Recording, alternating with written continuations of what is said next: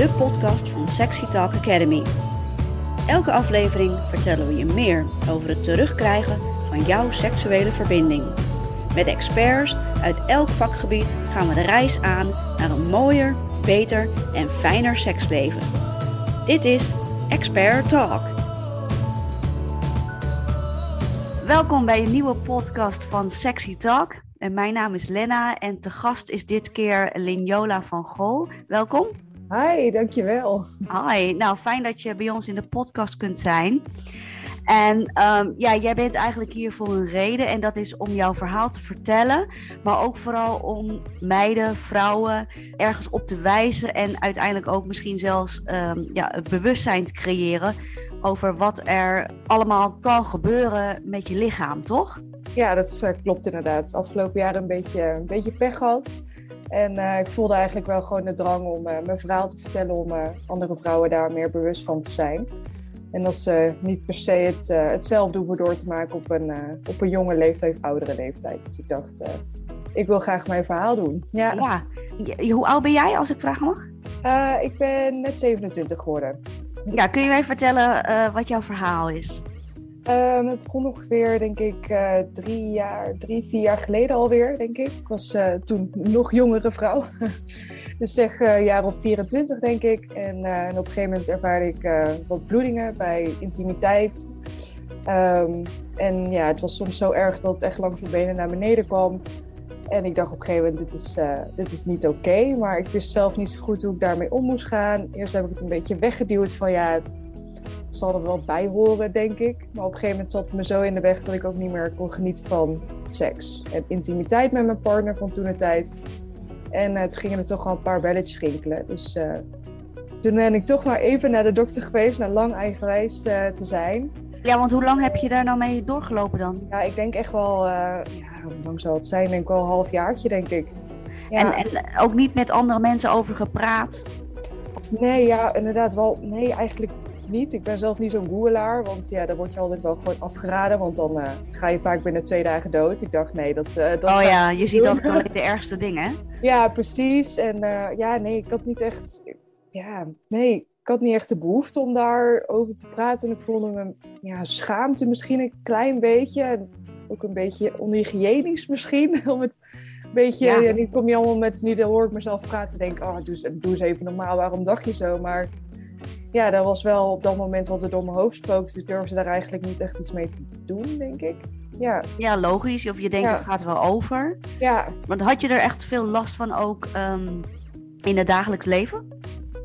Ja, toen op zich wel wat, wat minder, denk ik. Dat is pas later begonnen dat het zeg maar meer frequent werd. Uh, het begon eerst wel gewoon eigenlijk altijd uh, ja, na, na de seks of na intimiteit. Dat het zeg maar begon, de bloedingen begonnen. Um, maar ja, op een gegeven moment werd ik natuurlijk wel gewoon steeds onzekerder over mijn lichaam en wat het deed. En ik denk dat het daarna wel gewoon meer een persoonlijk dingetje is gaan worden dan alleen maar lichamelijk, zeg maar. Ja, en deed het ook um, pijn of niet? Ja, ook nog. Dus uh, niet echt verschrikkelijk pijn, maar ja, het was op een gegeven moment wel gewoon, werd het steeds onprettiger. Nou, uiteindelijk heb je dan toch die stap genomen. Je bent naar de dokter geweest. En ja, uh, ja, uiteindelijk uh, dacht ik, bel toch maar even de dokter met mijn verhaal van, nou, volgens mij het niet helemaal goed. En uh, weer zo eigenwijs als ik ben, ging ik alleen naar de dokter. Ik had het uh, ook aan niemand verteld. Ik wilde, ik weet niet, ik ben soort van heel zelfstandig, dus ik wilde het altijd alleen oplossen. Dus toen ben ik alleen naar de dokter geweest en ja, ik had een beetje een oudere vrouw en echt zo verviel me eigenlijk gelijk met de woorden van baarmoederhalskanker en ellende. Oh. En um, ja, dit is wat je hebt. En ik zat daar echt helemaal alleen, soort van. Oh, ik dacht. Oké, okay, ik weet eigenlijk, ik eigenlijk niet wat ik dacht, maar ik had niet gedacht dat ik het woord baarmoederhalskanker, zeg maar, zou horen. Dus daar schrok ik nee. eigenlijk bij heel erg van. Had zij niet in de gaten dat jij eigenlijk voor een oriënterend gesprek kwam en ze gaf gelijk een diagnose? Ja, nou en ook ja, zo heftig. ja, gelijk heel heftig. En ik, is dat, ik, heb nog niet, ik had niet eens een swapje gekregen. En dat was het eerste wat ze zei, zeg maar. En toen dacht ja. ik, nou ja, ik, ja, ik, weet, ik weet het ook niet beter. Ik ben ook niet, uh, geen dokter en geen gynaecoloog. Maar ja, dat leek me niet helemaal zoals het zou moeten zijn. Dus, uh, dus uiteindelijk met die woorden en met een swapje en uiteindelijk ook met een SOA-test stond ik weer buiten. Want ik dacht, het zal waarschijnlijk iets met een SOA te maken hebben. Oh, dat had ze ook niet gezegd. Het was gelijk baarmoederhalskanker. Ja, het was gelijk. Had geen andere opties. Nee, dat was, uh, ik denk echt dat dit het is. Ik dacht, nou, dat nou. is top. Ik zei, nou ja, oké. Okay. En ik zat toen best wel ver bij de dokter. Dus ik moest echt nog bijna een uur naar huis reizen. En ik dacht, oké, okay. sta je in één keer weer buiten. En dan denk je, en nu? en uh, ja, dan zit je daar een uur te malen in de bus van... Ja, zei ze dat nou echt? En wat moet ik er nou mee? En toen ja, kwam ik best wel, ja, hoe zeg je dat, een beetje verdrietig, een beetje boos kwam ik thuis. Een beetje vol emotie van, oh, nou, dit uh, zag ik niet helemaal aankomen. Inderdaad, wat je zegt met oriënterend gesprek. En je staat soort van al met een semi-diagnose buiten waar je niet op zit te wachten en je bent helemaal alleen. Dus daar schrok ik wel een beetje van, ja. Ja, logisch. Want op dat moment, er gaat van alles door je heen. Um, wil je dat dan ook delen of, of heb je de eerste paar dagen het voor jezelf gehouden? Ik heb het met mijn beste vriend gedeeld. Ja, ik moest het natuurlijk wel op een gegeven moment een beetje kwijt. En, ja, was, en toen met, met de partner waar ik toen mee was, heb ik natuurlijk ook wel van, nou ja, ik uh, sta net buiten en uh, nou, uh, kijk wat me nou is overkomen. En hij was toen op vakantie of zo, dus hij kon ook niet mee. Maar er was ook geen sprake van dat hij mee zou gaan. Ik dacht, ik ga daar gewoon even naartoe en we zien het allemaal wel. Dus ik heb het wel toen mijn beste vriend verteld. Maar daar bleef het ook al een beetje bij, denk ik. En heeft hij jou daarna nog geholpen met eventuele doktersafspraken of uh, dat soort dingen?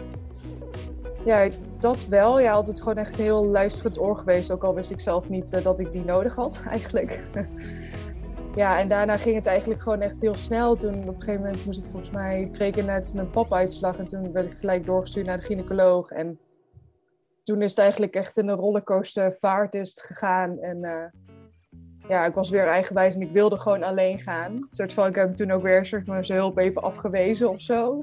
Want was ja, ik weet niet. Ik, ik, had het gevoel van dit is mijn lichaam en ik wil dat zelf doen. Ja, dat wil je niet delen met een ander dan, blijkbaar. Nee. En, of zo, van ik, ik, zoek het zelf wel uit. Ik zoek het zelf wel uit. En misschien even het soort van verstandsverhouding man-vrouw. Dat je misschien elkaar, niet dat hij me niet begreep, maar ja, je hebt natuurlijk gewoon hele andere lichamen. Dus het is ook wel lastig om daar dan het echt over te hebben van, ja, je snapt me wel toch? Of heb, heb je dat ook wel eens, zeg maar. Hm. Dus dat was op dat moment gewoon even het luisterend oor die ik nodig had, maar misschien niet het, uh, hetzelfde lichaam om elkaar misschien 100% te begrijpen, denk ik. Je had het net over je papuitslag. Um, dat, een papuitslag betekent eigenlijk dus de uitslag van een soort uitstrijkje die uit je baarmoeder of uit de baarmoederhals wordt genomen, toch? Ja, nou, het was voor mij dus ook allemaal Chinees, want ik wist er letterlijk niks over. En toen in één keer, dit is die papuitslag. En toen dacht ik echt, ik weet niet eens wat het is.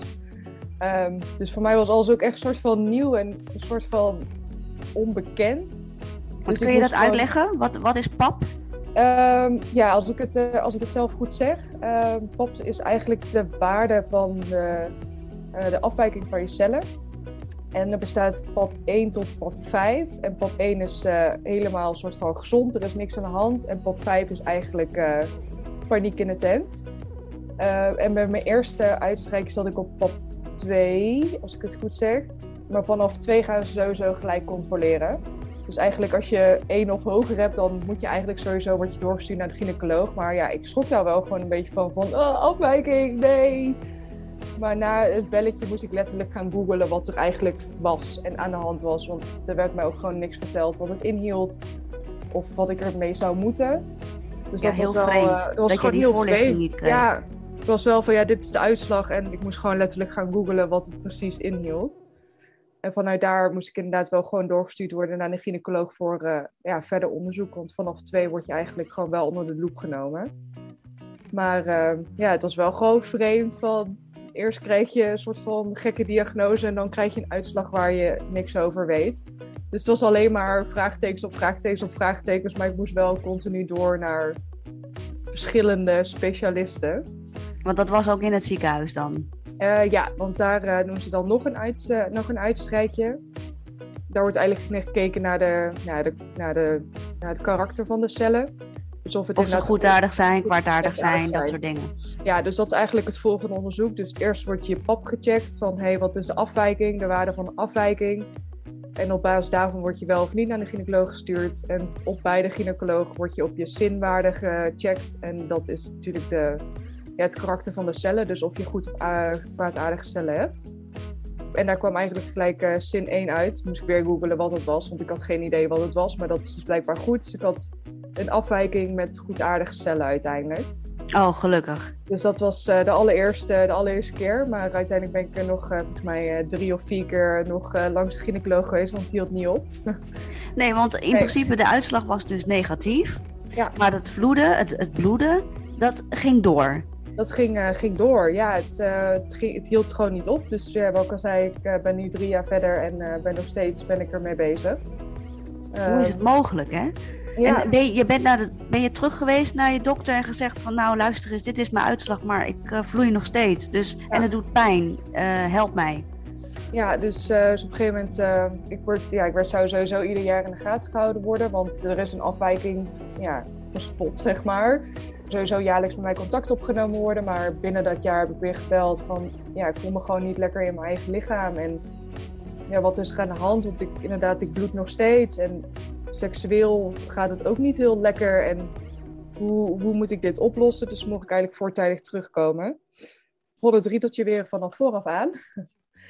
En toen uh, kwam er eigenlijk een hele andere uitslag. Toen had ik volgens mij echt heel hoog, 3B, 3B of 4. Toen in één keer. En toen dacht ik, oké, dus in drie kwart jaar is mijn papwaarde van 2 naar 3B4 gegaan. En nog steeds dat ik met mijn handen in het haar zat van ja, wat houdt dit dan weer ik- in? En wat Ja, ja. En ik heb zelf niet aan de bel getrokken, maar als, dat niet, als ik dat niet had gedaan, wat dan? Zeg maar. Dus Ja, vreemd, echt, hoor. eh, ja, het was echt heel vreemd. En toen dacht ik, ja, toen kwam weer met paniek thuis. Van oké, ik vond twee al spannend, maar moet je nagaan, nu zit ik echt al bijna vier. En, wordt echt En er wordt niks mee niks gedaan. is. Ja, of het niks is. Ik word weer doorgestuurd naar de gynaecoloog voor kijken hoe mijn, wat de karakter van mijn cellen zijn. Maar ik word nog steeds niet begeleid in het proces wat het inhoudt en wat mijn lichaam heeft wel of niet afbreekt of wel en niet doet. Ja, dus eigenlijk is zowel het ziekenhuis als de dokter heeft het laten afweten, eigenlijk. Ja, zo heb ik wel het gevoel. Misschien had ik kritische vragen kunnen stellen. Want uiteindelijk ben ik ook natuurlijk eh, een speler in, dit, eh, in mijn eigen lichaam. Maar Ja, maar goed, jij bent eh 23, 24 en eh, dit is voor jou voor het eerst. En voor hun is het, eh, ja, helaas komt dat vaker voor. Dus eh, zij moeten toch wel begrijpen dat dat iets doet met jou. Want ja, wat doet dit met jou? Met, jou, met jouw geest, maar ook met jouw lichaam? Hoe kun Ja. jij verder? Of zit het dag en nacht in je hoofd? Eh, nee, het zit me wel, eh, het zit me wel hoog. Ja, dus, eh, dus dat was wel. eh, toen dacht ik echt, ja, oké, maar toen kreeg ik wel gewoon dat nog steeds mijn cellen goed aardig waren. Dus ik had een flinke afwijking met, met, een, ja, met goedaardige cellen. Dus, maar toen dacht ik nog steeds, ja, maar en nu? Ja, inderdaad. En daar heb ik wel gewoon, ja, dat, tot op heden zit me nog steeds echt super hoog. Want ik voel me gewoon niet seksueel niet op mijn gemak. Ik voel me minder vrouw, terwijl dat is helemaal niet zo, zeg maar. Ehm, het bloeden blijft doorgaan. Ik bloed bijna nog steeds iedere week. Ehm, het, het is zeg maar misschien een goede uitslag of zo, maar nog steeds het probleem is niet weg. En Nee, dan maakt die uitslag al bijna niet uit. Het gaat eigenlijk om het feit dat jij in de praktijk er gewoon eh, dagelijks mee bezig bent. Mm, Ja, dat is wel. Nu mijn derde uitslag was gelukkig pap 1 en sin 1. Dus het was eigenlijk soort van helemaal opgelost. Maar uiteindelijk zat ik echt zo nog steeds met mijn handen in het haar van. Ja, maar het probleem is niet weg, zeg maar. Nee. Dus nu ben ik nog verder van huis, want mijn waarden zijn oké. Dus eerst, ik, ik durfde het bijna niet te zeggen, maar ik hoopte gewoon dat ze iets soort van zouden vinden, want konden ze me tenminste helpen. Maar nu is zeg maar, al mijn waarden zijn oké en mijn cellen zijn oké. Ja, Maar dus voor, nu- voor hun is het Ja. zo van, nou, we sluiten, alles is uitgesloten Ja. en het is nu klaar. Terwijl jij nog steeds ehm, ja, hiermee zit. Het is nu al eh, een tijd zo, al een paar jaar. En heb je je partner nog? Nee, nee, dat is, eh, dat, dat is niet meer. En Eh, mag ik vragen, is dat ook mede daardoor? Of, of heeft het andere nee, dat, eh, dat had er niet iets echt mee te maken. Nee, dat was uiteindelijk, eh, waren we elkaars mensen niet op die manier. Oké, ja, dat kan gebeuren. Maar wel dat ik ja, wel het gevoel had dat inderdaad ons seksleven wel flink achteruit ging. Want ik kon me op een gegeven moment niet meer geven zoals ik graag zou willen. Dus ik Om- denk niet omdat dat je met je, eh, en hoe bedoel je? Om- Omdat je er met je hoofd niet bij was? Of omdat je niks meer voelde? Of, Ja, gewoon met mijn hoofd was ik er niet bij en met mijn lichaam eigenlijk ook niet. Ja, nee, dat was. eh, En gewoon wetende dat je bij een aanraking bloed zou kunnen verliezen, ja, dat is nou niet echt een bepaalde uitkomst waar ik heel blij van word, zeg maar. Nee, dat is eigenlijk ook die angst vooral, hè? Ja, de angst en een soort van ook een stukje ja, het viesheid, zeg maar, wat een beetje meekomt bij bloed bij vrouwen, zeg maar. Ja, dan voelde ik me gewoon echt niet, uh, niet comfortabel. Ja, wel een beetje seks afge afgelaten, zeg maar, ja. En, en hoe, en, uh, hoe uh, zit je er dan nu in? Ja, lastig. Ja, het is wel. Ik had afgelopen tijd weer een partner waar ik daar heel goed mee over kon praten. En die heel veel respect had voor mijn lichaam. Maar helaas was het ook niet prins op het witte paard. Um, wat helemaal oké okay is. Maar nu zit ik weer een soort van. En nu? nu moet ik weer een soort van overal vanaf vooraf aan beginnen. En vertrouwen opbouwen. En en daar heb ik eigenlijk helemaal geen zin in. Dat, daar zit ik helemaal niet op te wachten. En... Nee, je wil gewoon dat het goed is en goed werkt. Ja, en dat, dat ik, ben, ik ben 27, stijgt, uh, ik sta bij de piek van mijn leven, maar zo voelt het uh, seksueel niet eigenlijk. Nee. nee, dat is natuurlijk verschrikkelijk. Maar ga je, heb je nog wel het gevoel van, um, ik ben trots op mijn lichaam gewoon omdat het mijn lichaam is? Of straalt het heel ook uit dat het feit dat je, dat je nog steeds bloedt, dat je de rest van je lichaam eigenlijk ook niet meer als prettig ervaart? Ligt een beetje hoe ik uit bed kom, denk ik. Soms oh. heb je echt een hele goede dag en denk je, het is oké, ik, uh, ik, ga me er vandaag niet druk over maken. Maar net zoals uh, dan kom je uit bed en dan zie je weer bloed in je onderbroek zitten. Terwijl je niet, zo, niet in je menstruatiecyclus zit. En denk je, dan gaan we weer. Ja, en heb ik ook wel de gynaecoloog verteld dat ik nog steeds bloed verlies en zou me terugbellen. Nou, het is twee maanden geleden en uh, dat hebben ze nog niet gedaan. Dus ik heb ook gevoel dat gewoon niet serieus genomen wordt. En dat vind ik ook wel moeilijk.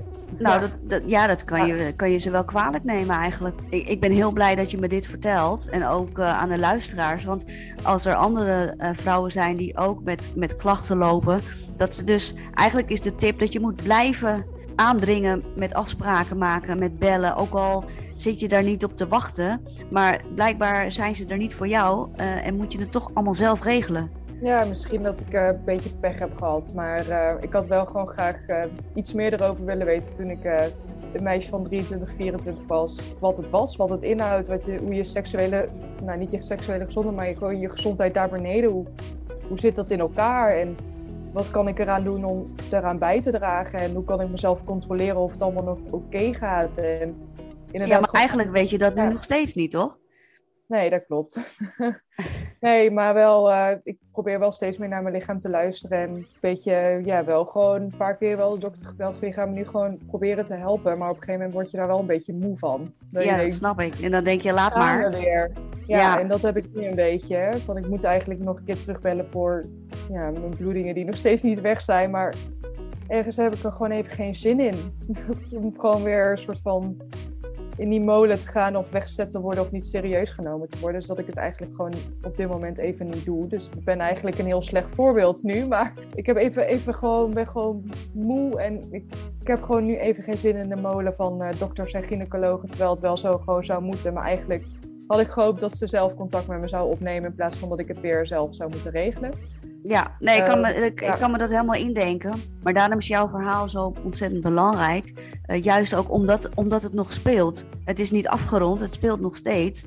En fysiek heb, heb je het natuurlijk lastig, maar ook uh, in je hoofd.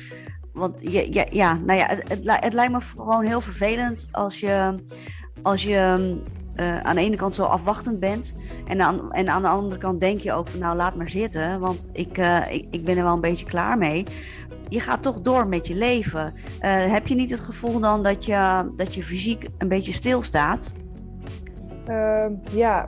ja, zeker wel. Ik ben ook, ja, echt mijn mentale gezondheid is er wel achteruit gegaan. Want ik ben ook oprecht in therapie voor, om mijn lichaam meer te accepteren. Um, en dat heb ik ook gevoel dat ze daar ook niet serieus nemen. Van, ik ben echt letterlijk mentaal ben ik erop achteruit gegaan op wat er met mijn lichaam is gebeurd.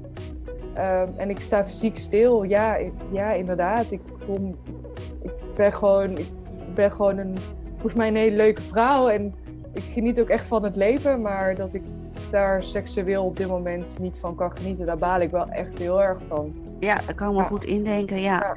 En want kun je me iets meer vertellen over die, over die therapie die je volgt? Ja, nee, ja, ik ben eigenlijk gewoon, uh, ja, heb gewoon even wel aan de bel getrokken van ja, het is gewoon niet oké dat, dat ik zo jong ben en eigenlijk soort van bang moet zijn voor een aanraking, zeg maar. En dat ik bang ben voor een aanraking. Voor ja, daar begint het al. Ja, en uh, waar, wat mijn lichaam doet. En dat ik me gewoon niet comfortabel voel bij het feit dat ik eventueel bloed zou kunnen verliezen bij intimiteit. En dan krijg je af en toe, dat hoort erbij als vrouw. Denk, dat is niet waar, weet je wel. Nee, ik, het echt niet hoor. Dat, dat kan niet. Nee, dan denk ik, nee ja, oké. Ik snap wel dat, dat vrouwen eventueel bloed zou kunnen verliezen. Maar niet zoals ik dat doe, denk ik. Nee, en zo frequent. en, uh, zo frequent, ja. Dus op een gegeven moment zat me toch wel hoog. En toen dacht ik, ja, er, er is misschien een andere manier om, om er misschien mee een soort van iets meer body te geven en iets meer te accepteren dat, dat ik gewoon even een beetje pech had in mijn lichaam en hoe kan ik daarmee verder, zeg maar. En misschien ja. ook weer de kracht verzamelen om weer toch de gynaecoloog te bellen en mijn stoute schoenen aan te trekken van je gaat me nu gewoon helpen. Dus toen uh, ik dacht, ik heb daar gewoon nog wat mentale support voor nodig. Dus uh, ja, maar deze therapeut is dus vooral mentaal, maar het is niet fysiek. Iemand die jou leert om, om, om van jouw lichaam te houden. Want uh, ja, het stukje zelfliefde komt hier natuurlijk ook om de hoek kijken. Want hoe, hoe kun je, zeg maar, ja, hard gezegd, houden van je lichaam terwijl het je lichaam niet uh, geeft of doet wat jij wil? Ja, nee, het is echt nog wel een beetje in de, in de begin, uh, beginfases. Dus het zijn nog de eerste gesprekken. Oké. dus op basis daarvan wordt eigenlijk bepaald welke zorg ik daarvoor nodig heb. En dat durf ik nog niet te zeggen welke dat gaat zijn. nee. Dus, dus echt nog wel in de begin in de beginfase. Maar ik ben gewoon een kleine omleiding aan het nemen om een beetje moed te verzamelen om, uh, om toch op mijn strepen te staan. En dat ze me gewoon echt uh, ja, moeten gaan helpen. Maar ik had het gevoel dat ik daar nog wat, uh, wat andere input voor nodig had, denk ik. Ja, ja. nou ja, ik kan, ik kan me dat heel goed uh, indenken. En ik, ik vind het echt super knap dat je, dat je dit zo durft te vertellen. Uh, en misschien, uh, um, ja, als de luisteraars zelf jou kunnen inspireren door middel van een reactie achter te laten, dan zou dat natuurlijk ook geweldig zijn. Want ik denk dat wij vrouwen sterker zijn dan we, dan we denken. en we nemen altijd alles aan van een ander, behalve van onszelf. Dat is heel vreemd. uh, ja, ik weet niet. Dat zit een beetje in ons misschien. Dus ik hoop echt dat jij uiteindelijk weer uh, ja, komt waar jij wil zijn. Want wat is nou jouw ultieme missie voor jezelf als je, als je kijkt naar de toekomst? Ja, kleine, kleine stapjes. Ik ben natuurlijk wel gewoon uh, rustig weer mijn lichaam aan het herontdekken. En soort van cadeautjes aan mezelf aan het geven. Van, oh, vertel, wat voor cadeautjes? Ja, nou ja, soms kan het gewoon nieuwe schoenen zijn. Maar ik oh dacht, ja, uh, ja. Ik dacht, nee, dit kan wel uh, intiemer. Ik denk, een kleine drie weken geleden heb ik een tapepiercing laten zetten. Oeh, wat uh, spannend. Ja, ik dacht, wat is nou een ultiem, intiem cadeautje naar jezelf? En toen moest ik eigenlijk hieraan denken. Ik dacht, nee, een meidje mag gewoon zijn. En ik, ik had gelezen dat het op seksueel gebied een soort van uh, plus, plus, plus, plus kan zijn. Dus ik dacht, ja. hey, um, niet geschoten is altijd minst. En uh, toen heb ik het gewoon gedaan. Mijn twee vrienden gingen met me mee en die hebben het uiteindelijk met mij meegedaan. Dus zijn we z'n drieën naar de pierstation geweest. En dat was wel een soort van heel mooi gebaar van... Niet alleen maar voor mij, maar dat voor iedereen. Ja, wat eigen, een overwinning. Eigen seksualiteit denkt en dat dat gewoon niet nummer één is, maar wel deels nummer één met, met gewoon je mentale en fysieke toestand. En ik dacht, ik kan gewoon iets voor mezelf doen. Dus ik dacht, ik ga dit doen. Dus ik heb het gedaan. Wauw, echt te gek, ja, man. Dus, uh, dus dat was wel een soort van hele grote frustratie. Daar ben ik wel gewoon uh, wel trots op, eigenlijk. Ja, ja dat snap ik. En, en dat is ook een herinnering die je natuurlijk uh, de rest van je leven ja, bewaart. Maar dat is ook een, ja. een positieve herinnering. Ja, dus, dus daar je kan natuurlijk mijn gezicht niet zien, maar alleen als ik eraan terugdenk, dan, uh, dan ga ik er spontaan weer van glimlachen dat ik dit ook uh, moment heb kunnen delen met anderen. En dat, dat ze er daar voor mij waren en dat ze een soort van met me meededen om ook zelf een soort van zelf schouderklopje aan je, aan je lichaam en seksualiteit te geven. Dus vond ik gewoon een heel gaaf moment. Ja, nou, ik denk dat dat ook wel een inspirerend moment is voor, uh, voor anderen. Ja. Dat je eigenlijk jezelf een cadeautje kunt geven en, daar en die herinnering, daar moet je gewoon op kracht uit uh, putten. Ja, en vooral uh, gewoon wel jezelf gewoon serieus nemen, hoe moeilijk dat af en toe ook wel is. ja. Schaamte is niet nodig, ook al snap ik dat die er is. Dat je het vies vindt, snap dat, ik, dat je dat vindt, maar dat is niet. Heb je dat vaak tegen jezelf ook moeten zeggen? Uh, ja, maar dat, je er ook in gelooft? Nee, nog niet. of uh, ben ik wel naartoe aan het gaan hoor. Wel dat ik er af en toe iets meer rust in kan vinden, maar wat je net ook al aangaf, uh, het makkelijker tegen anderen te zeggen dan het zelf, jezelf hetzelfde advies op te nemen, van jezelf serieus te nemen. Dus daar heb ik ook een beetje last van. Maar dan probeer ik het zelf ook te herhalen om er steeds meer zelf ook in te geloven. Het is niet raar, het is niet vies. luister echt naar je lichaam, want het is gewoon je gezondheid. En heb het gevoel dat dat nog een beetje dat het nog een beetje in het onwetende ligt van vrouw zijn op jonge leeftijd. En ik denk wel dat dat anders kan en moet. Nou, dat vind ik ook een hele mooie afsluiter voor deze podcast, uh, voor iedereen die luistert. En ik zou, het, ja, ik zou het fijn vinden als, je, als, we, als, we, als, je elkaar, als we elkaar op de hoogte houden. Uh, en dat je misschien weer in een andere podcast weer meer kunt vertellen over jouw zoektocht naar, uh, naar jouw ultieme Leola 2.0. Nou ja, dat zou ik, wel, uh, zou ik wel mooi vinden, denk ik. Dus ik merk wel gewoon dat alleen maar dit alweer heel veel kilo's van mijn schouders af, uh, af heeft gehaald. Dus, oh, wat goed om te ja, horen. Dus jij alleen maar bedankt voor, de, ja, voor, de, voor de gast, dat ik hier mocht zijn. Ja. ja, nou graag gedaan. En ja, nogmaals, we willen graag weten hoe het verder afloopt. Dat je ons ook kunt blijven inspireren met jouw verhalen. Leola van Gol, dank je wel voor jouw komst in deze podcast. Dit was Expert Talk. Wil je nog meer talks horen? Ga dan naar sexytalk.nl en luister naar een nieuwe aflevering.